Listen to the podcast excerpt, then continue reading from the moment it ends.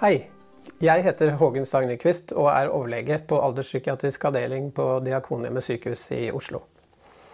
I dag skal jeg snakke om personlighet og eldre. Det finnes lite forskning og litteratur på dette feltet, og jeg er heller ingen forsker. Så det jeg skal presentere i dag, bygger på noen artikler og lærebokkapitler, men først og fremst på egen erfaring gjennom 15 års arbeid med alderspsykiatri. Personlighet handler om hvordan hver enkelt av oss har vår egen måte å tenke, føle og handle på. Personligheten utvikles gjennom barne- og ungdomsårene, og man tenker at den holder seg noenlunde stabil fra 20 års alder. Når personligheten blir svært avvikende og årsak til uhelse, defineres det i diagnosesystemene som personlighetsforstyrrelse. I DSM beskrives personlighetsforstyrrelse som et varig mønster av indre opplevelser og atferd som avviker markant fra det som forventes i individets kulturelle kontekst.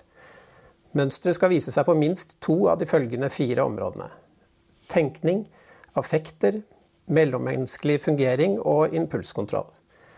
Ved personlighetsforstyrrelse fører dette som oftest til opplevd ubehag og svikt i sosial og arbeidsmessig funksjon. Personlighetsforstyrrelser gir ofte utfordringer med ens egen opplevelse av identitet og følelse av retning i livet. Mange har begrenset evne til empati og nærhet. Personlighetsforstyrrelser går ofte utover evnen til å tilpasse seg nye situasjoner, og skaper som regel betydelige vansker i relasjoner. Diagnostikken av de enkelte personlighetsforstyrrelsene er under stor faglig debatt. Mye tyder på at kategoriene vi bruker ikke er spesielt gode, særlig når det gjelder å bestemme hvilken type personlighetsforstyrrelse vi har å gjøre med. Tidsrammene vi har i dag tillater ikke at jeg går inn på enkeltdiagnosene, som dere kan se på denne sliden her. Men et viktig poeng er at personlighetsforstyrrelser kan ha svært forskjellige symptomer, alvorlighetsgrad og grad av funksjonssvikt. I fortsettelsen vil jeg prøve å snakke om personlighetsforstyrrelser generelt, uten å gå for mye inn på enkeltdiagnoser. Forekomsten av personlighetsforstyrrelser er ganske høy, med ca. 10% i den generelle befolkningen. Personlighetsforstyrrelser er vanlig forekommende blant psykiatriske pasienter, også hos dem med andre hoveddiagnoser. Det skyldes ikke minst at det gir dårligere behandlingsrespons og prognose for andre psykiatriske tilstander. Likevel blir personlighetspatologien og hvordan den påvirker andre sykdommer ofte oversett. Inntrykket fra psykiatrien er at de fleste med personlighetsforstyrrelser er kvinner, men det er ikke korrekt. I rus- og kriminalomsorgen finnes mange menn med personlighetspatologi. I psykiatrien ser man en opphopning av emosjonelt ustabil personlighetsforstyrrelse av symptomer som selvskading og suicidalitet. Dette er utvilsomt også den personlighetsforstyrrelsen som man har mest kunnskap om, men den er faktisk ikke blant de vanligste. Det mest slående kjennetegnet på personlighetsforstyrrelse er at pasienten vekker uvanlig sterke følelser hos oss. Det vi kaller på fagspråket motoverføring. Motoverføringen gir viktig informasjon om pasientens utfordringer, og jeg skal komme tilbake til hvordan denne kan brukes i behandlingen. Eksempler på slike sterke følelser kan være sinne, at man føler seg udugelig eller manipulert, eller at man ikke liker vedkommende. Men det kan også være mer positive følelser, som medlidenhet, ønske om å hjelpe eller kanskje også seksuelt begjær. Pasientene kan virke særegne på svært mange forskjellige måter. Det kan være alt fra å fremstå som uærlig, kamuflerende, ansvarsløs, innyndende, appellerende, sjarmerende, fiendtlig, full av kritikk, ondskapsfull, rasistisk, dramatisk, somatiserende, lite tillitsfull eller avvisende. Mange er vare for selv å bli avvist, og kan oppleves som umodne. Psykodynamisk teori beskriver hyppig bruk av primitive forsvarsmekanismer. Dette er ubevisste måter å takle utfordrende situasjoner på, som ofte er lite hensiktsmessige og med en fordreining av sannheten. Som for eksempel splitting, benekting og projeksjon. Konteksten eller livssituasjonen man står i har stor betydning for hvordan personligheten kommer til uttrykk. Akkurat som ungdom og tidlig voksenliv er krevende livsfaser, krever også det å bli eldre stor tilpasningsevne. Som eldre må man ofte forholde seg til tap av helse, fysisk funksjon og sansesvekkelse. Tap av livsledsager og nettverk er ofte utfordrende. I noen tilfeller kan en frisk ektefelle ha fungert som en effektiv buffer mot problemer. Man mister bekreftelse og respekt i yrkeslivet. Man møter raske samfunnsendringer og krav om digitalisering bl.a. Det å bli avhengig av hjelp fra andre og klare å ta den imot er ofte spesielt vanskelig for denne gruppen mennesker. Og ikke minst det å måtte flytte til en annen boform. Dermed kan personlighetsutfordringer som ikke har gitt så mye symptomer tidligere, eh, bli mer fremtredende og på en måte avsløres i eldre år. Det er mulig at personlighetsforstyrrelser kan utvikle seg i høy alder, men det er nok ikke så vanlig. Merker man tegn til personlighetsendring hos en godt voksen person, må andre mer sannsynlige tilstander utelukkes. Først og fremst demens, overforbruk av rusmidler, og annen psykisk sykdom. Ved frontallappsdemens er jo personlighetsendring første symptom på demensutvikling, og oppstår lenge før hukommelsen blir dårlig. Flere ganger har jeg også sett pasienter med stort funksjonsfall, emosjonell ustabilitet og tap av empati og ø, evne til omsorg, som har blitt mye bedre ved reduksjon av alkohol og vanedannende legemidler, da typisk benzodiazepiner. Diagnostikk av personlighetsforstyrrelse hos eldre er krevende. Stigmaet knyttet til tilstanden er stort, og diagnosen er utfordrende å formidle til pasienten på en konstruktiv måte. Som regel kommer vi i helsevesenet i kontakt med pasienter når de opplever en krise eller ved forverring av psykisk sykdom. Det er viktig å være klar over at mange kan fremvise symptomer eh, som ved personlighetsforstyrrelse i slike svært belastende situasjoner, uten at de har en personlighetsforstyrrelse. Ulempen eh, ved at personlighetsdiagnoser ikke stilles, er at vi fratar både pasienten og menneskene rundt en kilde til kunnskap og forståelse. Dette kan medføre unødvendig uro, støy og frustrasjon, og bidra til overforbruk av medikamenter og helsetjenester. Resultatet blir økte plager, redusert livskvalitet og mindre effektiv behandling. Vansker med å stille sikker diagnose må etter min mening ikke komme i veien for god behandling. Det som arter seg som personlighetsforstyrrelse, kan ofte med hell behandles som personlighetsforstyrrelse. For å viderebringe kunnskapen om eh, en mulig personlighetsforstyrrelse tillater jeg meg ofte å skrive om dette i et eh, journalnotat eller epikrise, selv om jeg ikke har stilt diagnosen. Som lege erfarer jeg at mange forventer eller håper at jeg skal løse problemer med medisiner.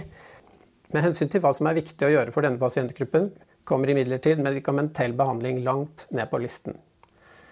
Det finnes ikke dokumentert effekt av noe legemiddel mot personlighetsforstyrrelser, men andre sameksisterende psykiatriske sykdommer, som angst, depresjon eller psykotiske symptomer, kan man forsøke å behandle med egnede legemidler som antidepressiva og moderate doser antipsykotikum.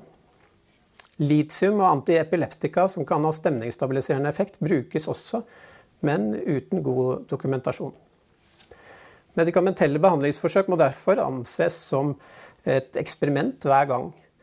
Eh, effekten må alltid evalueres etter en tid, og medikamentet må seponeres om man ikke observerer klar effekt. Polyfarmasi, dvs. Si at pasienter bruker mange medisiner samtidig, ofte med dårlig eller kanskje skadelig resultat, er utbredt i denne pasientgruppen.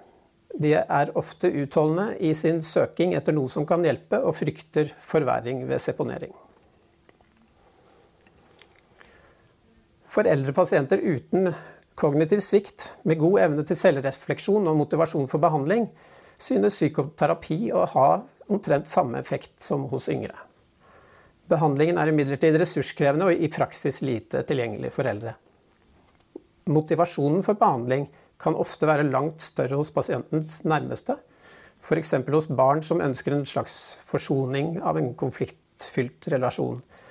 Sjansen for suksess er nok dessverre mager dersom pasienten selv ikke tar eierskap til prosjektet. Sykehusinnleggelser har liten plass i behandlingen, men kan være nødvendig skadeforebygging ved suicidale kriser eller ved svært lavt funksjonsnivå. Man tilstreber kortvarig opphold med mål om at pasienten skal ta tilbake ansvaret i eget liv. Samtidig må utskrivelsene forberedes godt for å redusere opplevelse av avvisning og økt selvmordsrisiko ved utskrivelse. En fast kontaktperson over tid i kommune eller spesialisthelsetjeneste, eller eventuelt oppfølging i FACT-team, vil etter min mening kunne være svært nyttig for en del pasienter med alvorlig personlighetspatologi.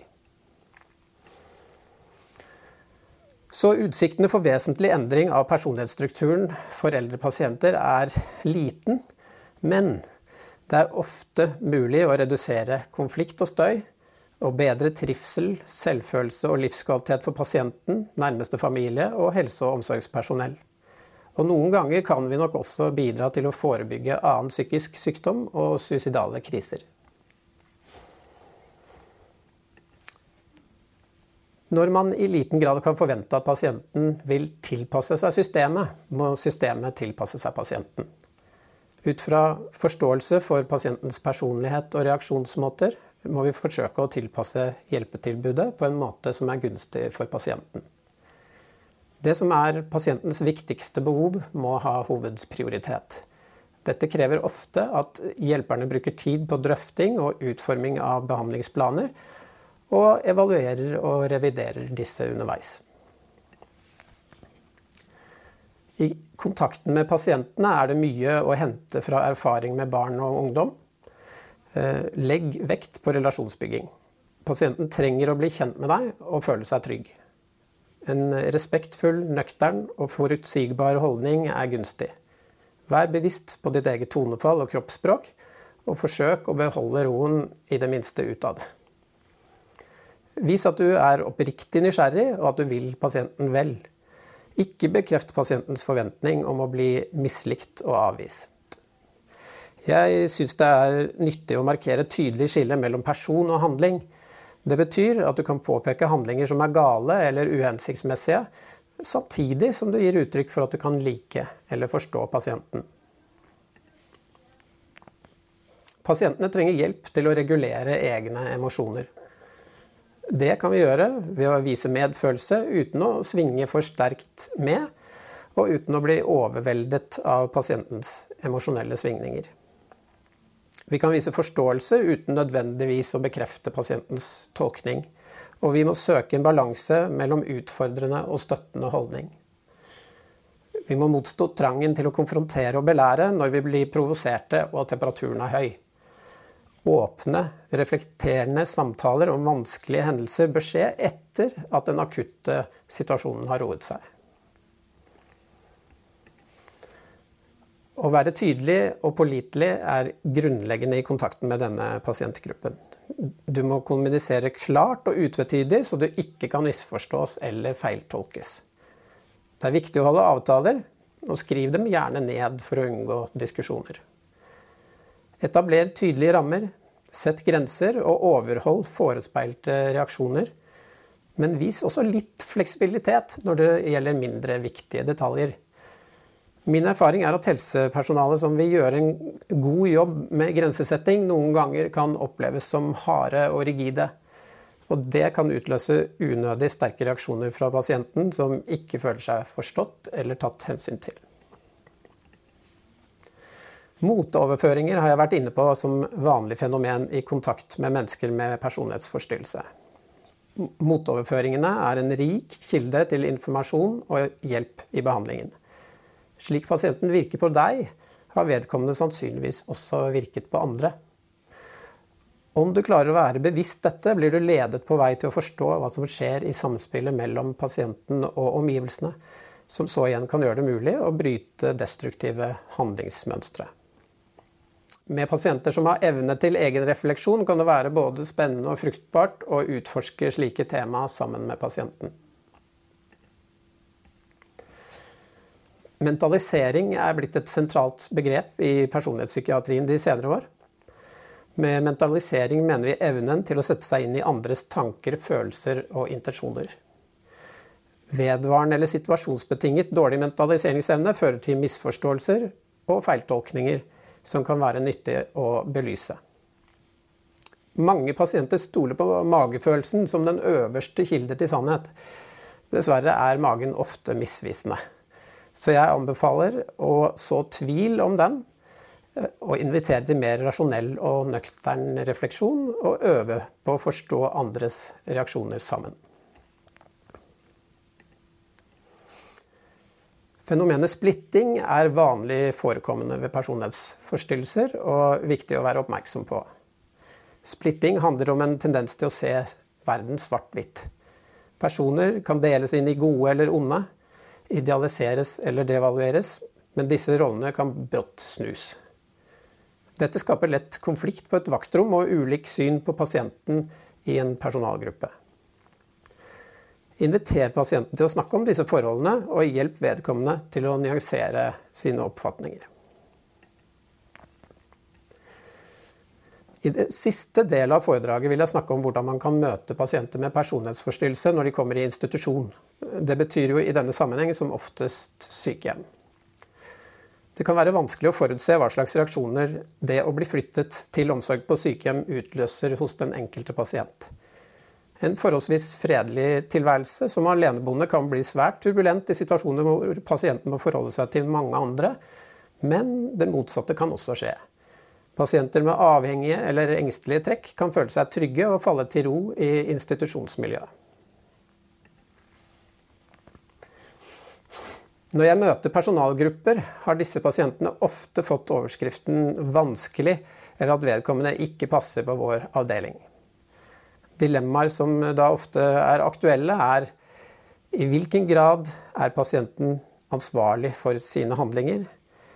Hva skal aksepteres av atferd? Kan man stille krav eh, og true med sanksjoner og straff? Hvordan skal man orke å jobbe med pasienten?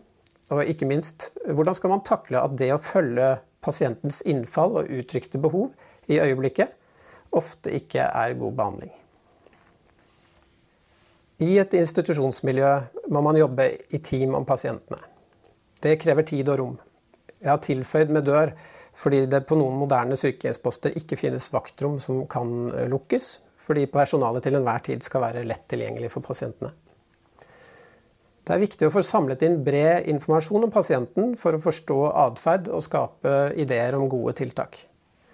Informasjon om utredninger og behandlingshistorikk hører med.